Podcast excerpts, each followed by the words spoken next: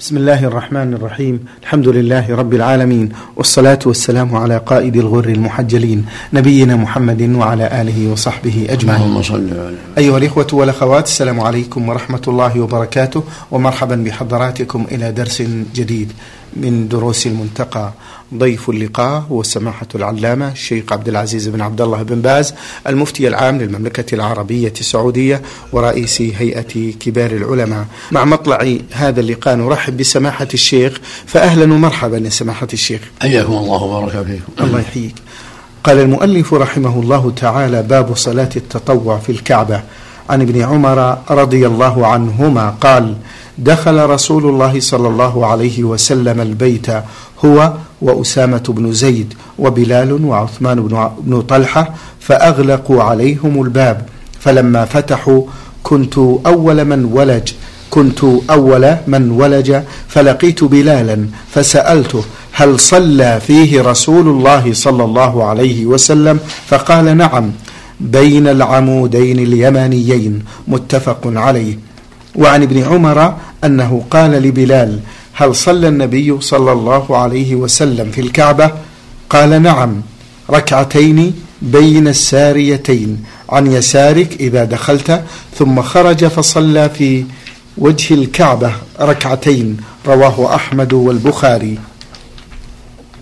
بسم الله الرحمن الرحيم الحمد لله صلى الله وسلم على رسول الله وعلى آله وأصحابه من اهتدى به. أما بعد فهذا الحديث يدل على شرعية الصلاة في الكعبه وأنه يستحب دخولها وصلاة ركعتين فيها كما دخلها النبي صلى الله عليه وسلم.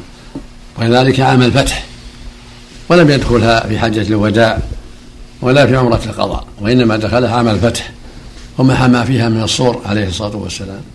فمن دخلها شرع له يصلي ركعتين ومن صلى في الحجر كفى لأن الحجر من البيت. وقد سألت عائشة رضي الله عنها أن تدخل الكعبة فقال صلي في الحجر فإنه من البيت. والسنة يصلي أمامه إذا دخل يصلي أمامه. يجعل بينه وبين الجدار الغربي نحو ثلاثة أذرع كما فعل النبي صلى الله عليه وسلم. نعم. حفظكم الله. جاء في حديث ابن عباس أنه كبر في نواحي الكعبة ودعا. يعني صلى ركعتين وكبر في نواحي الكعبة ودعا عليه الصلاة والسلام. فيستحب التكبير في نواحيها والدعاء مع صلاة الركعتين. نعم. سماحة الشيخ الصلاة إذا داخل الكعبة سنة؟ مستحب لفعل النبي صلى الله عليه وسلم لكنها غير متأكدة لأن النبي صلى الله عليه وسلم ما أكدها في حجة الوداع ولا في عمرة القضاء. ويروى عنه أنه حزن لما خرج وقال أخشى أن أكون شققت على أمتي. فالحاصل أن من تيسر له دخولها يستحب له ذلك. ومن لم يتيسر له ذلك فلا يزاحم ولا يتكلف صلي بالحجر والحمد لله. الحجر كافي. أحسن الله إليكم وبارك فيكم. قال المؤلف رحمه الله تعالى باب الصلاة في السفينة. عن ابن عمر قال سئل النبي صلى الله عليه وسلم كيف أصلي في السفينة؟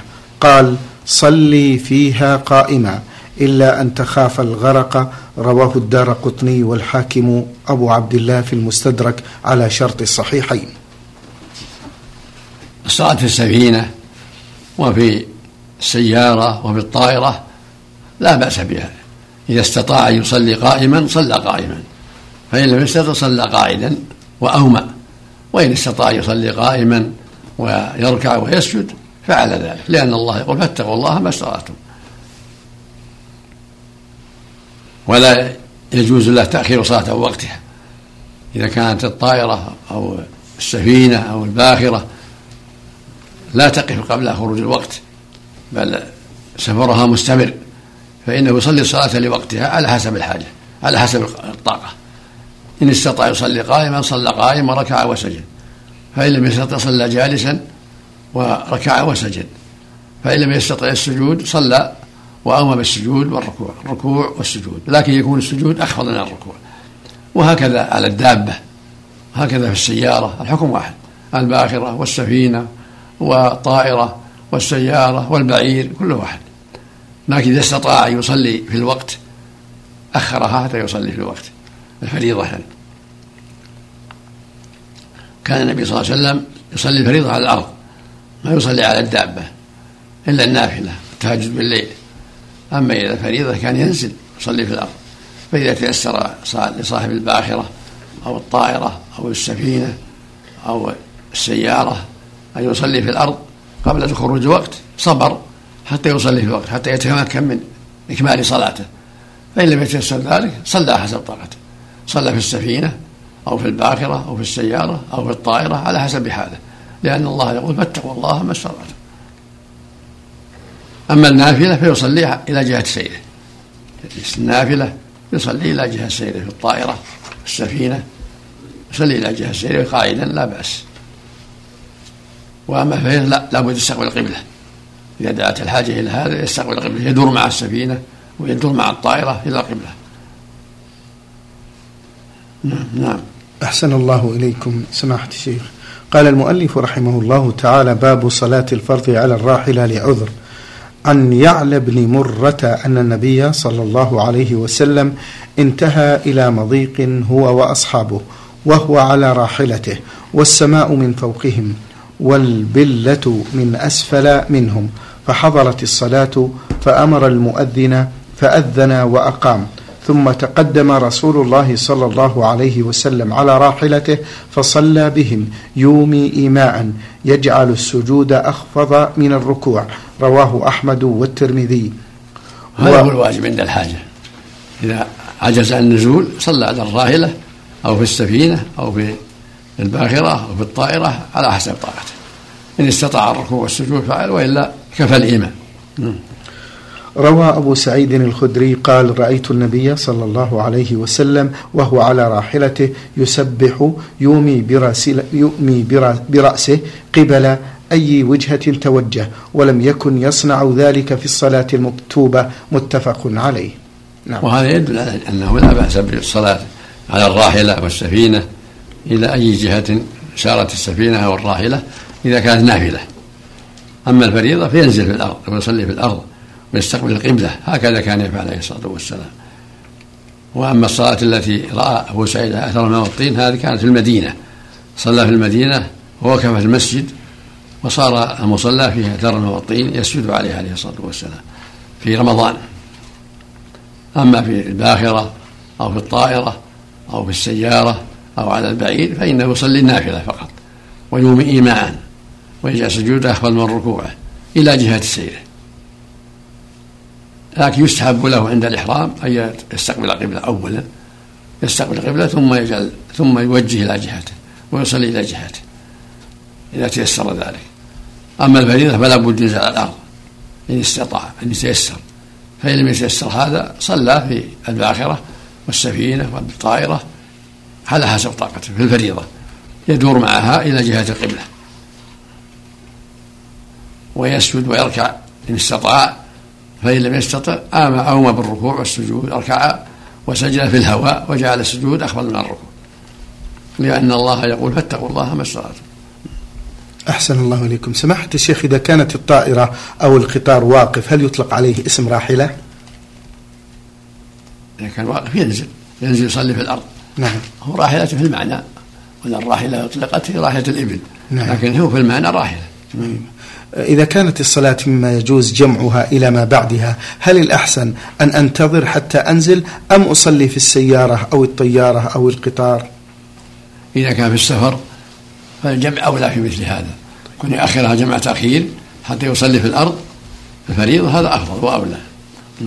سماحة الشيخ هل يفرق في جواز النافلة على الراحلة بين السفر والحضر؟ المعروف أنه كان يفعل في السفر صلى الله عليه وسلم لا في الحضر. صلاة الراحلة كان يفعله السفر. اللهم صل اللهم صل وسلم عليه. أحسن الله إليكم وبارك فيكم سماحة الشيخ. باب اتخاذ متعبدات الكفار ومواضع القبور إذا نبشت مساجد. عن عثمان بن أبي العاص أن النبي صلى الله عليه وسلم أمره أن يجعل مساجد الطائف حيث كان طواغيتهم. رواه أبو داود وابن ماجه. قال البخاري وقال عمر إنا لا ندخل كنائسهم من أجل التماثيل التي فيها الصور. قال وكان ابن عباس يصلي في البيعة إلا بيعة فيها تماثيل.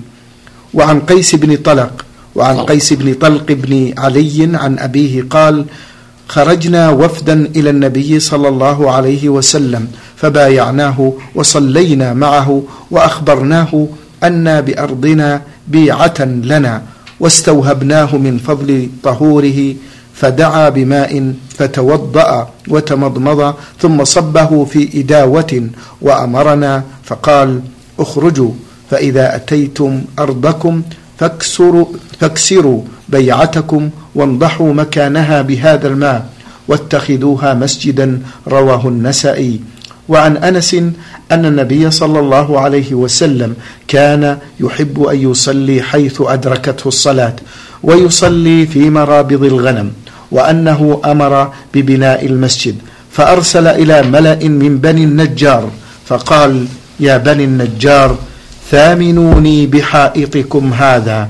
قالوا لا والله لا نطلب ثمنه إلا إلى الله. فقال أنس فكان فيه ما أقول لكم. قبور المشركين وفيه خرب وفيه نخل. فأمر النبي صلى الله عليه وسلم بقبور المشركين فنبشت.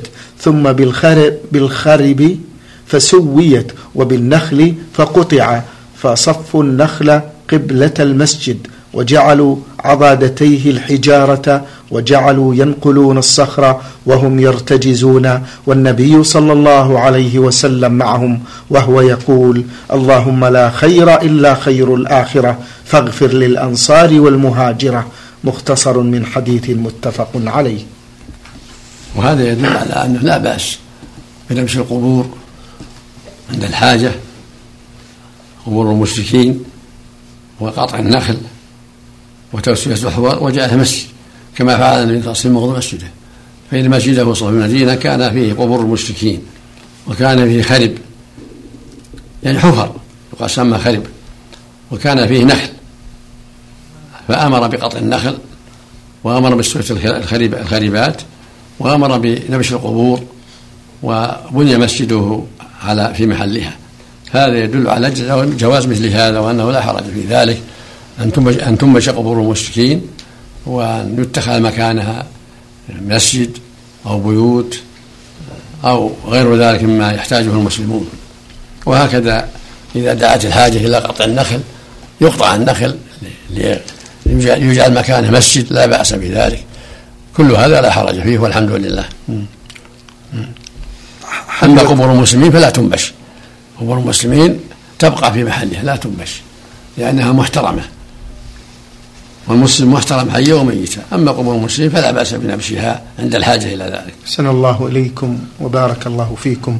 قال المؤلف رحمه الله تعالى باب فضل من بنى مسجدا.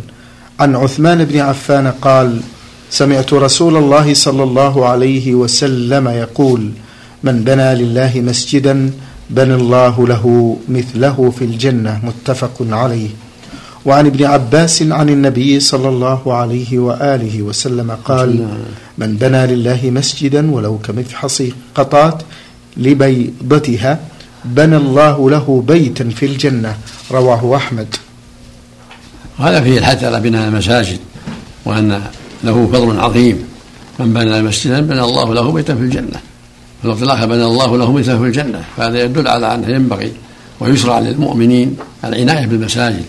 وتعميرها إذا دعت الحاجة إليها لما فيها من إقامة ذكر الله والتعاون على البر والتقوى. أما رواية ولو كما مفحص قطات فهذا من باب المبالغة من باب الحث على التعمير ولو كانت مساجد كبيرة لفضل المساجد والإعانة على إقامة الصلاة فيها. فالتعاون على البر والتقوى مطلوب وتعمير المساجد من باب التعاون على البر والتقوى. نعم.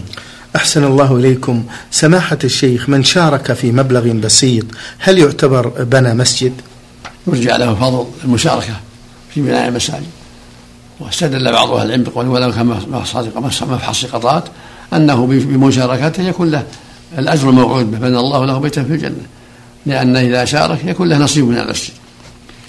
حفظكم الله يا سماحة الشيخ. ما رأيكم في وقف مبلغ آه، بسيط من المال لبناء المساجد؟ في حياة الإنسان. اتقوا النار ولو بشق تمرة. من شارك في المساجد ولو بالقليل فهو على نصيبه من الخير. ويرجى له الفضل العظيم. فالتعاون في بناء المساجد وتعميرها كل على قدره من أنفق كثيرا فله أجره ومن أنفق قليلا فله أجره. يقول النبي صلى الله عليه وسلم ما من عبد يتصدق بعد تمرة من كسب طيب ولا يقبل الله إلا إلا الطيب إلا تقبلها بيمينه. فيربيها لصاحبها كما يربيها سفله وهو فصيلة.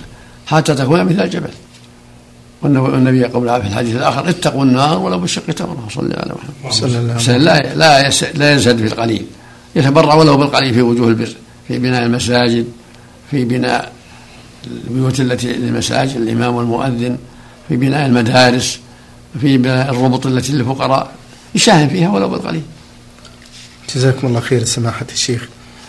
سماحة الشيخ إذا بني مسجد وبقي بناء المساكن الخاصة في وقتنا الحاضر بالإمام والمؤذن فهل الأفضل المشاركة في بناء المسجد أم في بناء المساكن؟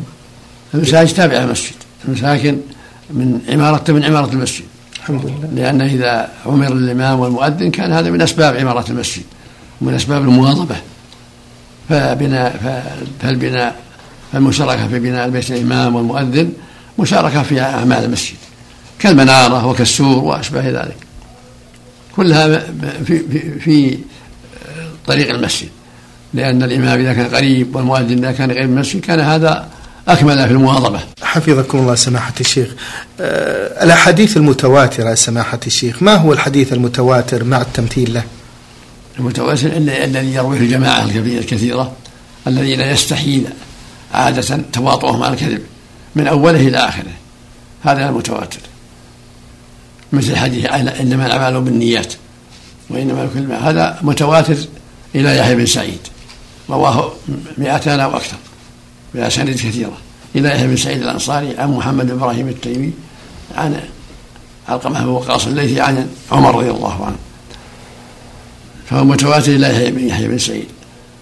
نعم. سماحة الشيخ حفظكم الله وحديث من بنى لله مسجدا هل هو من الأحاديث المتواترة؟ ما يظهر لي الظاهر من الأحاديث المشهورة فيك. حفظكم الله هل المتواتر المعنوي له حكم المتواتر اللفظي؟ نعم حجة نعم, نعم. حجة قطعية. يقطع يقطع بصحته.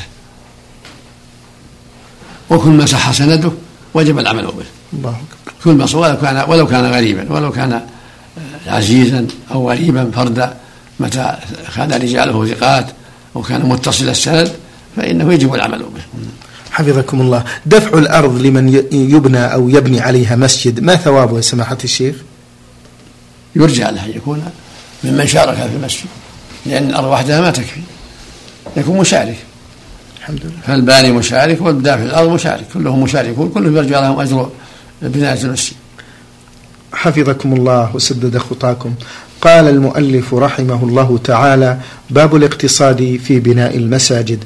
عن ابن عباس رضي الله عنهما قال قال رسول الله صلى الله عليه وسلم ما أمرت بتشييد المساجد. قال ابن عباس لا تزخرفنها كما زخرفت اليهود والنصارى. رواه أبو داود. وعن أنس أن النبي صلى الله عليه وسلم قال لا تقوم الساعة حتى يتباهى الناس في المساجد. رواه الخمسة إلا الترمذي. وقال البخاري قال أبو سعيد كان سقف المسجد من جريد النخل وأمر عمر ببناء المسجد وقال أكن الناس من المطر وإياك أن تحمر أو تصفر فتفتن الناس. السنة هذا المبالغة في بناء المساجد وأن يكون عناية بقوتها وثباتها من غير تزويق وأشياء يحصل بها التكلف من دون حاجة إليها. ولهذا الحديث الصحيح لا تقوم الساعة حتى يتباهى الناس في المساجد يقول ابن عباس لا تزخرفنها كما زخرفت اليهود والنصارى. فالسنة ألا تزخرف وألا يتكلف فيها بل يكون البناء متقن ومعتنى به حتى لا يقع على الناس ولا يضرهم. ولكن لا حاجة إلى التشييد والتزيين والزخرفة حذرا من مشابهات أهل الكتاب. أما كونه يبني بناء قوية ثابتة تشجع الناس على الحضور على الحضور في المسجد تشجع الناس على مداومة الصلاة في المسجد وتطمئنون إلى أنها بناية قوية سليمة لا خطر منها هذا أمر مطلوب. حفظكم الله. سماحة الشيخ بالنسبة لحكم بناء المنارة مطلوب من يعني فيه إعانة على إبلاغ الصوت في المنارة تبع المسجد فبناء المنارة والسور المسجد وبيت الإمام وبيت المؤذن والمغاسل التي تبع المسجد كل هذا من تبع المسجد. يرجى لصاحبها أجر أجر بني المسجد. والهلال سماحة الشيخ الموضوع على المنارة ما رأيكم هذا ما أعرف له أصل. ما له أصل. ما له حاجة إلى وضع. الهلال هذا ما أعرف له أصل. الله يحفظكم. نعم. سماحة الشيخ المحاريب الموجودة قديما؟ هل المحاريب موجودة قديما؟ نعم. من عهد السلف لأجل بيان موقف محل الإمام وبيان أنه مسجد. ما رأي سماحتكم؟ حفظكم الله سماحة الشيخ في تقارب المساجد بعضها بعض في الأحياء القريبة؟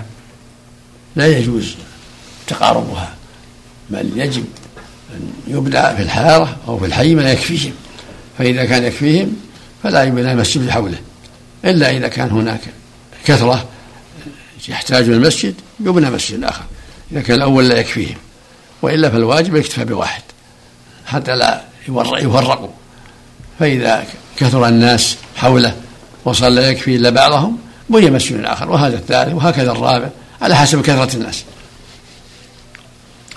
حفظكم الله.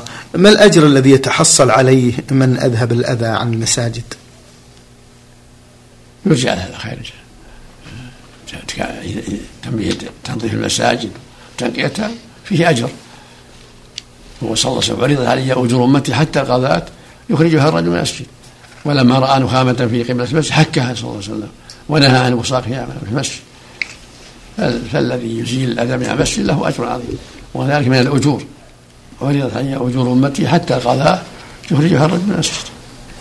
فإذا أزال القضاء من المسجد أو حفرة سواها أو عيب في المسجد أصلحه فله أجره. قال المؤلف رحمه الله تعالى باب كنس المساجد وتطيبها وصيانتها عن الروائح الكريهة.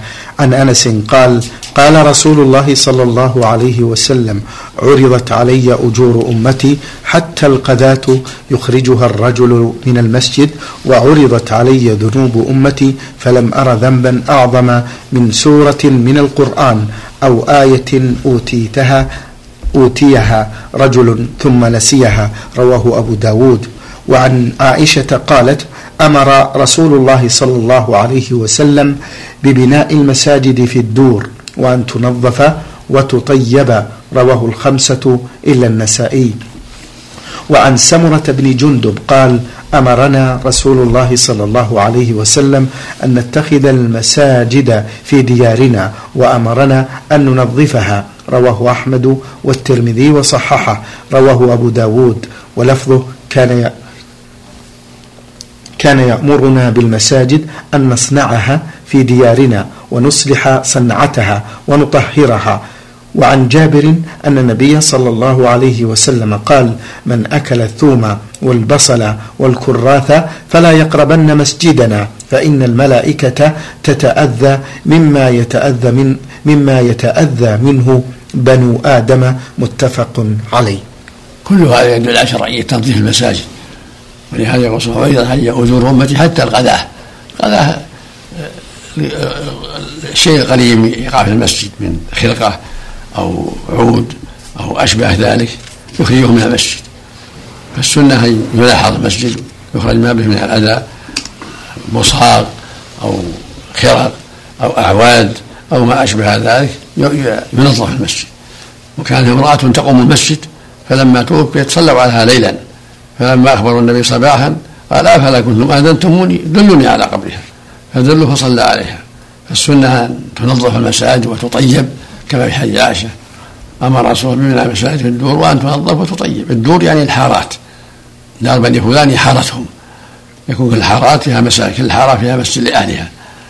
وتنظف من الأذى وتطيب. هكذا السنة. فالمساجد مشروع تطيبها وتنظيفها من الأذى وأن تبنى عليها حسب الحاجة. فإذا كان حارات كبيرة كل حارة يبنى فيها مسجد. فإذا كانت متقاربة وكفاها واحد لا بأس. وإن كانت حارات كبيرة كل حارة يكون فيها مسجد يصلي أهل الحارة فيه. وهذا يسمى حي ويسمى دار. إذا كان للناس محلات كل واحد مسلم معتزلة يصلي فيها يسكنها جماعة تسمى دور مثل دور الأنصار. يعني حارات الأنصار وأحيائهم. كل دار يكون فيها مسجد يصلى فيه. يعني كل حي وكل حارة مثل ما سمي الآن فيها جماعة يشق عليهم مثل المسجد الآخر يبنى عنده مسجد. سماحة الشيخ في حديث أنس فلم أرى ذنبا أعظم من سورة من القرآن أو آية أوتيها رجل ثم نسيها. نرجو شرح هذه العبارة يا شيخ. هذا فيه الحث على حفظ القرآن وأن من حفظه يتعاد ولكن الحديث فيه سنده ضعف. فإذا نسي فلا حرج عليه النسيان مو باختياره. لكن يستحب للمؤمن إذا من الله عليه بحفظ القرآن وما تيسر منه أن يواظب عليه وأن يجتهد في حفظه حتى لا ينساه. فلو نسيه لا شيء عليه. نعم. سماحة الشيخ حفظكم الله وسدد خطاكم يتحرج بعض الشباب من حفظ القرآن الكريم خوفا من الوعيد الذي آه، ينتظرونه من النسيان. فما توجيهكم للشباب؟ السنة حفظ القرآن توجيه الاجتهاد في حفظ القرآن حتى يتيسر له قراءته أينما كان. ولو قدر الناس شيئا منه ما يضره الحمد لله الصحيح إنه لا يضره. لأن النسيان ليس باختيار الإنسان. يقول الله جل ربنا لا تؤاخذنا إن نسينا واخطأنا. وصح الرسول أن الله قال قد فعلت. فلا مؤاخذة بالنسيان. فالإنسان لا يتكاسل عن هذا بسبب إنه قد قد ينسى. بل يشرع له العناية بحفظ القرآن حتى يقرأه ليلا ونهارا متى متى شاء وليتمكن من تدبره وتعقله بدون حاجة إلى المصحف. شكر الله لكم سماحة الشيخ وبارك الله فيكم وفي علمكم ونفع بكم الإسلام والمسلمين. أيها الإخوة والأخوات كان معنا في برنامج شرح كتاب المنتقى سماحة الشيخ عبد العزيز بن عبد الله بن باز المفتي العام للمملكة العربية السعودية ورئيس هيئة كبار العلماء. شكر الله لسماحة الشيخ على ما بين لنا. وفي الختام تقبلوا تحيات الزملاء من الإذاعة الخارجية فهد العثمان ومن هندسة الصوت سعد عبد العزيز خميس. والسلام عليكم ورحمة الله وبركاته.